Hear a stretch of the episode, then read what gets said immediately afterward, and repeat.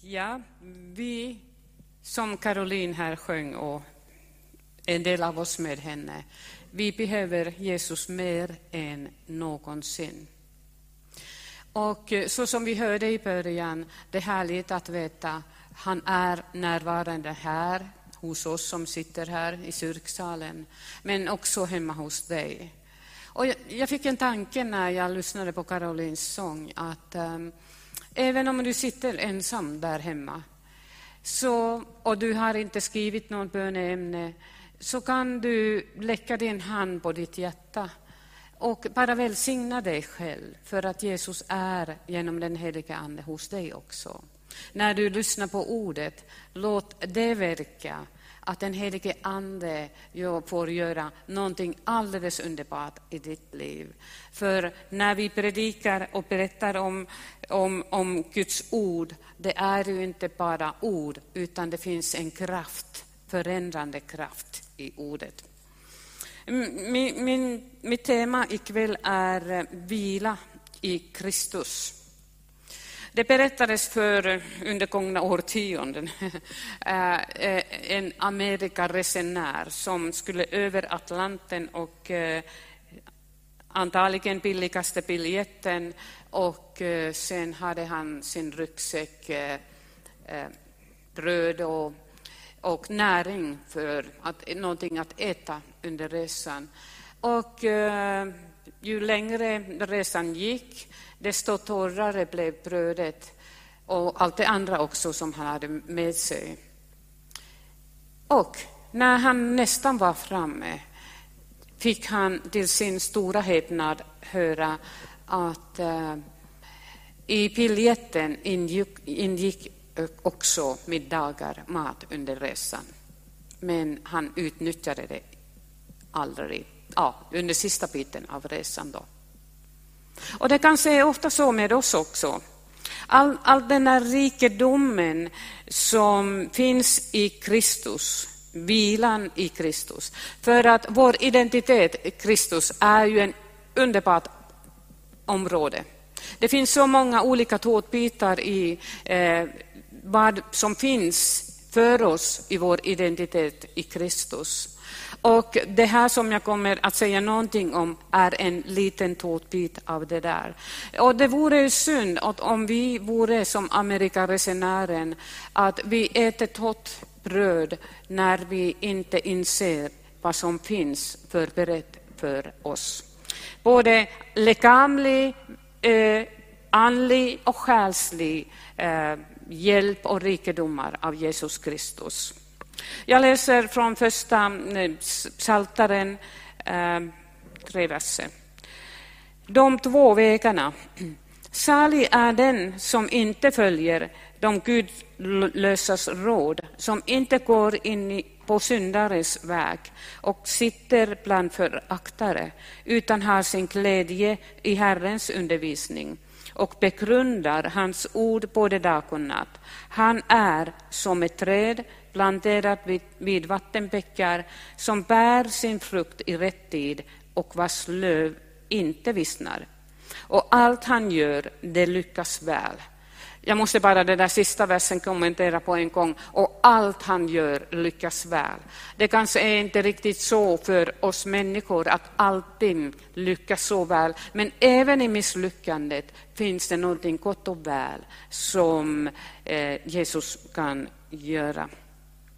Alltså, i, det här, i den här psalmen, eh, psaltaren, han som skrev eh, psalmen, han lyfte fram att det finns två vägar att eh, välja och förhålla sig till. Gudlös. När jag började smaka på det här ordet så det är liksom gudlös. Alltså man har ingen gud. Åtminstone man avsäger sig att jag har inte någon Gud, jag tror inte på någon Gud. Någon kanske som har baserat sitt liv på människans vishet, kunskap och erfarenheter. Det räcker långt, absolut. Eh, vi är mycket, mycket tacksamma till vetenskapens alla genrer. All kunskap och skicklighet som finns i människosläktet. Det är en Guds välsignelse och gåva till oss också. Och, eh, vi behöver bara tänka på den tekniska utvecklingen. Fascinerande. Läkarvetenskapen som kan så otroligt mycket. Men samtidigt, vi får läsa och se människans jakt på lycka. Rikedom, man jagar efter rikedom, man tror att det är livets mening, det är lycka. Visst, rikedom, om man har några miljoner på kontot så livet är enklare, helt klart är det. Men inte alls garanterat att det är lycka. Makt, sändiskap, individualistisk livsstil urskiljer sig från mängden på något sätt. Hur, hur speciellt det än är. Beundras. Och ändå ser vi så mycket olycka, missbruk av olika slag. Det finns alltså två vägar att välja. Om man väljer bara mänsklig vetenskap, kunskap eller om man lyssnar honom som skrev Psaltaren. Och det är ju viktigt för oss också, som säger att vi är Jesu följare, att vi följer Jesus och tror på honom. Att när vi lever i dagens samhälle, det flödar enormt mycket information från olika håll. Att vi har att vi låter inte den påverka våra vägval, eh, det, våra liv i negativ mening. Att vi tar det goda, men inte det som är, eh, inte är bra. Här påstås att, eh, att överlycklig, att den människan som studerar Guds ord är överlycklig, överlycklig alltså dag och natt. Uttrycket betyder enligt min tolkning att man kontinuerligt under sin livsstil att man tar sig till Guds ord och lyssnar och låter det vara eh, rättesnöre i sitt liv. Men eh, varför påstås här att man blir överlycklig? Är det inte dötråkigt att läsa Bibeln? Någon kan, kanske kan tycka så, att det är dötråkigt, man förstår ju ingenting.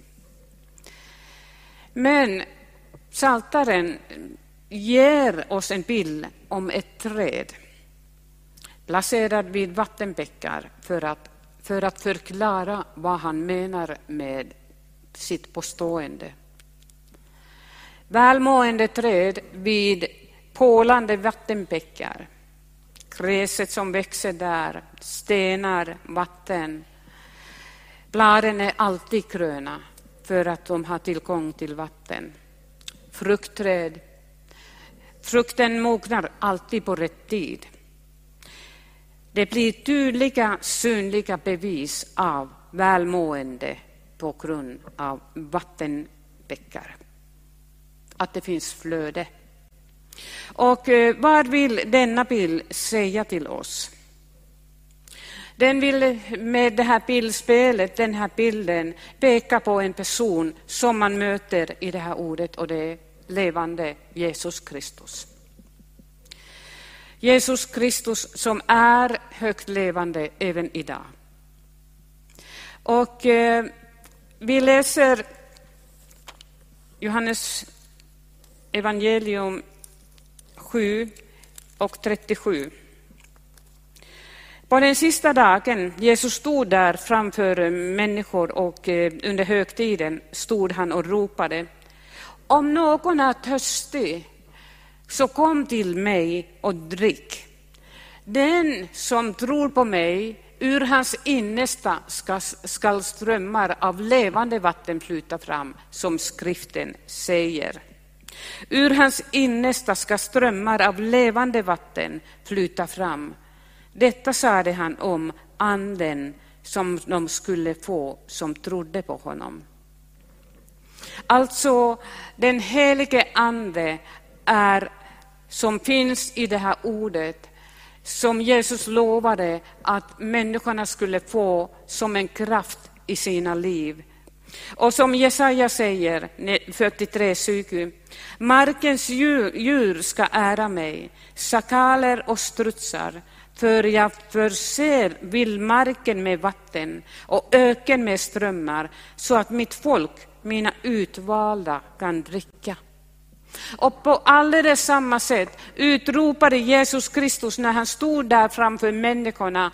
Kom till mig och drick så får ni den helige andens kraft i era liv. Kraft, styrka, vederkvickelse ger den helige ande till vår kropp, själ och ande. Så att vi orkar under livet, att våra liv har synliga tecken på välmående, gröna blad, frukt i våra liv. Även under svåra svårigheter, prövningar, stormar som kommer i varje människoliv, människoliv vill jag påstå. Men därför att människans rötter är i eh, vattenpäckar, Jesu Kristi ord, så flödar helige ande och ger styrka, kraft och ork, ande, kropp och själ.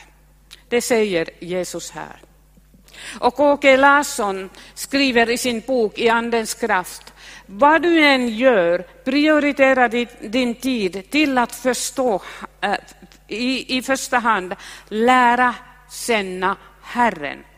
Eftersom det har, det har så rika löften med sig, sök hans ansikte och närhet mer än något annat i hela världen. Att söka Herrens ansikte är just att söka hans närhet. Hur är man i hans närhet? Man sätter sig hemma på en stol, tar Bibeln i sin hand, läser och ber Helige Ande, hjälp mig förstå, sig Jesus i det här. Hjälp mig förstå vad han har för mig, just i den här livssituationen. Och lyssna till hans röst. Det är ju inte att vi bara säger till honom, talar till honom, utan vi lyssnar vad han säger. För att det är så underbart att ha den här dialogen med vår Herre Jesus Kristus. Och eh, du kanske säger att, men jag hör inte, jag hör inte. Nej, Nej kanske inte i början. Men när du lär dig att lyssna ordet, när du lär dig att lyssna helige ande, så lär du dig urskilja när han talar till dig och vandra tillsammans med honom. Det är ju så underbart att inte bara när det är den värsta katastrofen vi ropar Gud hjälp, att han är någon akut mottagning, vår Herre Jesus, att hjälp mig nu, nu det här, jag klarar inte av det här. Utan det enkla i vardagen, berätta allt som bekymrar dig till honom och lita på att han är intresserad av det och ger dig vishet och hjälp agera rätt. Kan, kan du se honom här? Jag, ja, jag måste bara läsa, läsa det här. Eh, för att så här intresserad är han av dig. Jesus gick därifrån och vandrade längs Galileiska sjön. Och sedan gick han upp på berget och satte sig där. Ser du honom sitta där på bergsluttningen? Och sen ser han hundratals, tusentals människor kom och vandrade mot honom. Varför? För att de visste att han hade någonting att ge för dem. Mycket folk kom till Jesus och de hade med sig lama, blinda, halta, stumma och många andra som de lade ned vid hans fötter. Ser du hur Jesus tittar på de här människorna? Alla dessa som jag läste om, med så djupa svårigheter på den, tidens, på den tiden, på den tidens läkarvård, olyckliga, inte kan arbeta, försörja sig, hjälplösa. Och Jesus tittade på dem och han botade dem. På precis samma sätt är han intresserad av dig idag, med ditt problem. Det kanske inte är att du inte kan gå. Det kanske är svåra relationsproblem, ekonomiska problem, sjukdom, allt det där som kan finnas i vårt liv. Jesus är intresserad av dig och vill möta dig och hjälpa dig. Och folket förundrades när de såg stumma tala, halta bli friska, lama gå och blinda se, och de prisade Israels Gud. När vi litar på ordet, när vi litar på de löftena som Jesus Kristus har gett till oss, får vi se det påtagliga bevis om det, att han är levande även idag. Andra Petrusbrevet 1 och kapitel 1 och 1 och 2. Från Simon Petrus, Jesu Kristi senare och apostel, till dem som genom rättfärdigheten från vår Gud och eh, frälsare Jesus Kristus har fått samma dyrbara tro som vi. Nåd och frid vare med er i allt rikare mått genom kunskapen om Gud och vår Herre Jesus Kristus. Hans gudomliga makt har skänkt oss allt vi behöver för liv och Guds fruktan genom kunskapen om honom som har kallat oss med sin härlighet och godhet. Ödmjuken, ödmjukheten i det som hur Petrus presenterar sig. Han var apostel. Han hade umgåtts med Jesus. Han hade suttit och ätit med honom. Han hade vandrat på många dammiga vägar med honom. Han hade diskuterat med honom. Han kände Jesus Kristus mycket väl. Han hade sett honom uppstånden, han hade sett honom lyftas eh, till himmelen. Herren hade gett honom ett uppdrag och mandat. Och han hade sett Jesus i Andens kraft att ha makt över stormen, stilla stormen. Men ödmjukheten, han kallar sig hans slav. Dulos senare slav. Ordet betydde under en annans makt arbeta, slita, utföra arbete, vara inte enligt ens egna önskningar utan sin Herres. Hur kan det vara möjligt att han, någon kan säga, Petrus kan säga, jag vill vara din slav. Jag vill inte göra det som jag vill. Jag vill vara din slav och följa dig. Därför att han hade mött Jesus Kristus.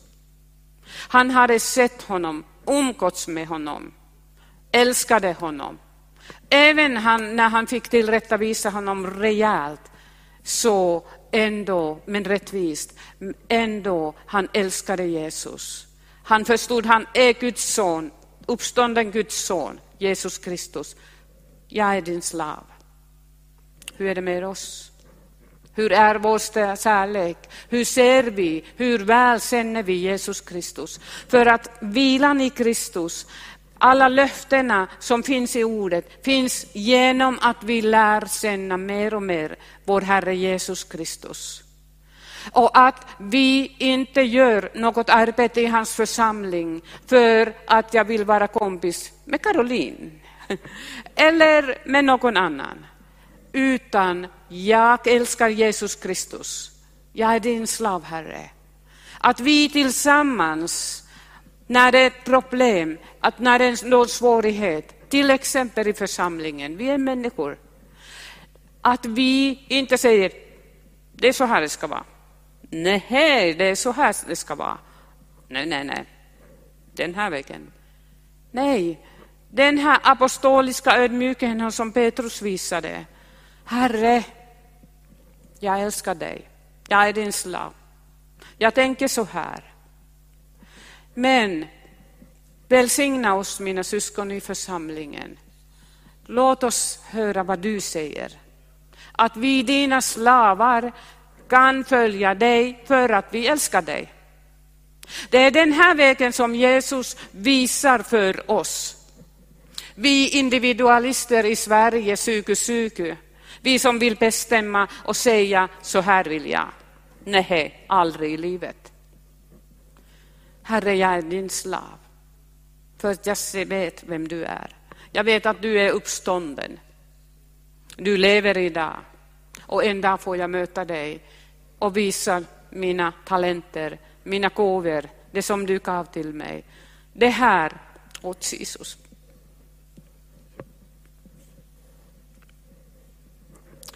Det här försökte jag göra med mina gåvor. Herre, lyckades inte bättre, men jag gjorde mitt bästa. Och då säger han till dig, kom till mig min kära senare, du har gjort väl. När du gav det som du hade för att du älskar Jesus Kristus, inte för någon annans skull, för du älskar och känner din Herre. Och det är det ändå den rikaste vägen som vi kan ha. Vers 2 står det här, rikare nåd. Du vet att du inte behöver sena din plats i Guds familj. Det står här, eh, nåd och frid vare med er i allt rikare mått genom kunskapen om Gud och vår Herre Jesus Kristus. Du vet att dina synder är förlåtna tack vare Jesus Kristus. Han dog och uppstod för dig. Du vet att du får vila i nådens hängmatta och säga, jag är älskad av Gud. Jesus älskar mig. Som Johannes sa, han skrev i sitt evangelium, lärjunge som Jesus älskar. Han hade gott självförtroende. Allt detta och mycket, mycket mer står i Guds ord i Bibeln om din Guds och Jesu relation. Den kristnes upplevelse är aldrig, aldrig, aldrig att trampa vatten. Trampa vatten. Det är flödande vatten. Det är framåt, utveckling. Att känna Gud är alltid också upplevelser, erfarenheter, inte bara teori, egen, eh, inte bara teori. Gamla testamentet mm, ville Gud att föräldrarna skulle berätta till sina barn om Guds storhet. Och det här är så eh, spännande, eh, dialogen med Gud. Ja, jag ska se om tiden räcker till, så berättar jag en egen egen häftig upplevelse om dialog, men jag ser att tiden har runnit iväg. Aha, okej. Okay. Eh, det här när vi lär känna Gud och eh, Jesus Kristus och när vi övar oss att ha, ha dialog. Jag bröstade mig lite en gång inför Gud och tyckte att ändå lite bonus kanske vore någonting. Jag tänkte, mm, Gud, vad tycker du? Det vore någonting, få lite bonus här. Och det svaret som jag fick uh, genom hans ord, det var chockerande. Jag var totalt chockad. Han tillrättavisade mig så ner till fotknölarna, heter det. Han sågade ner mig. Jag tänkte, okej, okay, jag pratar inte med dig. Mm. Väldigt moget och kristet, eller hur? Jag pratar inte med dig, Gud. Och jag gjorde inte det. Jag var så chockad. Jag var så chockad.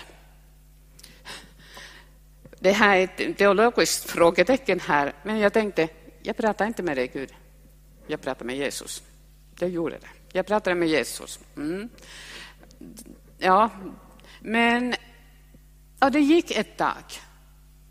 Och sen åkte jag en gång till Folkesta och skulle handla där. Jag kände, vad är det för konstigt? Det blir bara tyngre och tyngre och tyngre här i bröstet och inre. Och jag talade mitt bönespråk. Helige Ande var verksam i mig. Det står i Bibeln att eh, han, vi talar i tungor, bönespråk talar i tungor till vår egen uppbyggelse för att vi ska växa. Och vi ska lära mer av Gud. Och jag talar ett unger och tänker, vad är det? Är det någon katastrof här på vägen? Vad är det? Varför är det så tomt här inne? Gick och handlade. Och sen när jag började se mot stan, tillbaka till stan igen, då fattade jag. I det här tunga talet Och under det att jag körde mot stan, Gud tog mig sig på sitt knä. Nej men lilla flicka, dotter, var inte orolig. Det, det, sa han inte till mig. Men min upplevelse var att han kom och talade milt till mig. Och det här, jag talar inte med dig, det försvann bara.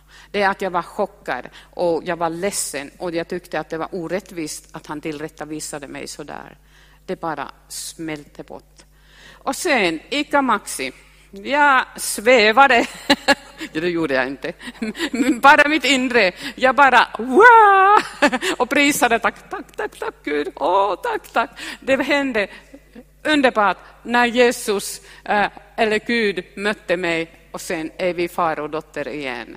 Han, det här är så underbart när vi litar och läser på ordet och tar på allvar vad han säger om dig, hur älskar eh, du är av Gud och Jesus Kristus, hur mycket omsorg du har och hur mycket de vill vara nära och tala till oss. Visst är det underbart?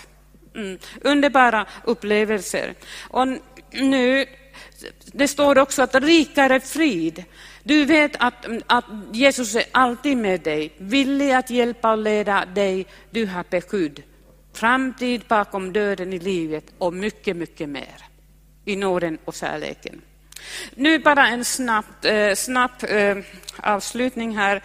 Vi läser Johannes 15. Väldigt bekant vad Jesus säger om din och hans relation. Jag är den sanna vinstocken och min fader är vingårdsmannen. Och sen tar vi fjärde. Förbli i mig, så förblir jag i er. Liksom grenen inte kan bära frukt av sig själv och den, om den inte förblir i vinstocken, så kan inte heller ni det om ni inte förblir i mig. Jag är vinstocken, ni är grenarna. Om någon förblir i mig och jag i honom, så bär han rik frukt. Utan mig kan ni ingenting. Men det är en intressant fråga, tror vi verkligen på det? Men den, det kommer senare, kanske en annan till, eh, vid annan tillfälle. Eh, nu kan vi titta på bilden.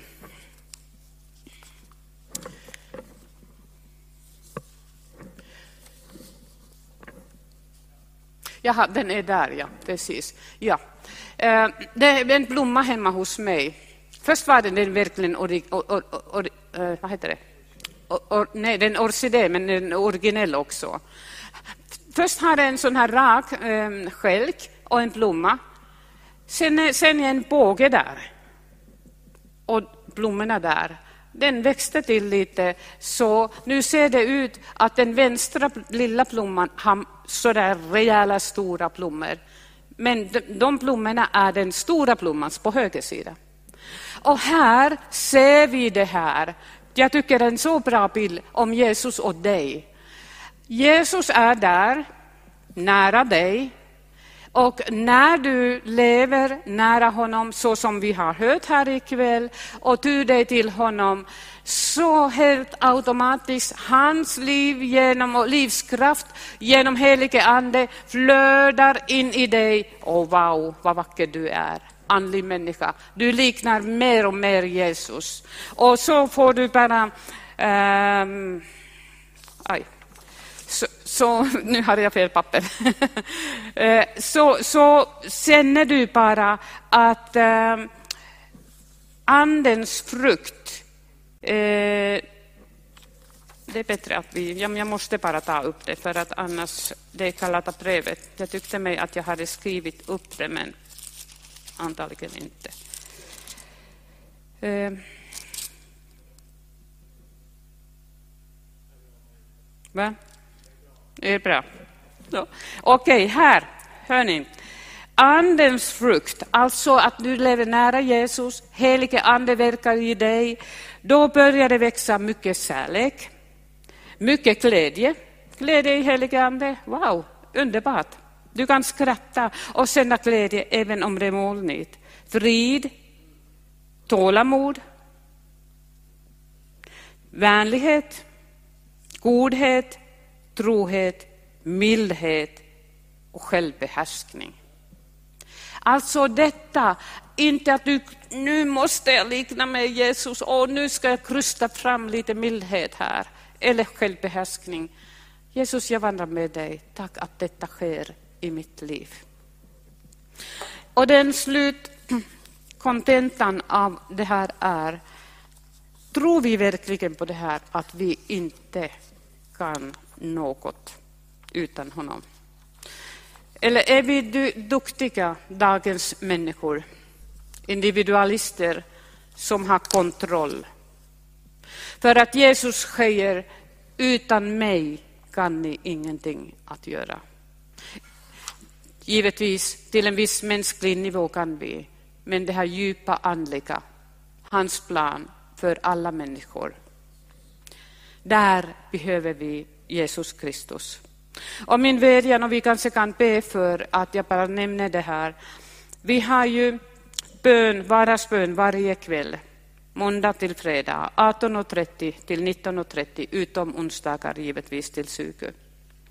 Kom och be om du verkligen tror på att utan Jesus kan vi ingenting. Få verklig andlig tillväxt. Få verklig kraft, ledning att nå till Eskilstuna och att människorna, dessa 100 000, 107, 7 000, över, ja, 107 000, eh, att de kan bli frälsta. Vi har covid-pandemi här. När urkyrkan, första församlingen, när de hade ett yttre hot från laglärda och judarna, de samlades, de gick till sina egna, de fick information om situationen och de bad och stället skakade för att de bad, hjälp oss att ändå förkunna. Om du verkligen tror på det, att utan Jesus kan vi inte göra någonting andligt verkligt, Kom och be. Vi har gott om utrymme även om vi har pandemi. Så att vi tillsammans ber att den får ge vika. Att vi kan be för arbetslösa. Att vi kan be för, för framgång för företagare, att de kan anställa människor. Att vi kan få arbetare till Guds fält tio stycken till barnarbete, tio till second hand, fem till språkcafé, läxhjälp Nyfors två, läxhjälp Fröslunda fem och mycket mer. Kom så att vi tillsammans kan säga Jesus, vi kan ingenting, men vi ber till dig och vår Fader i himmelen och vi får se underbara frukt att bära fram i Eskilstuna, hur människor blir frigjorda från mörkret till ljusets rike. Amen.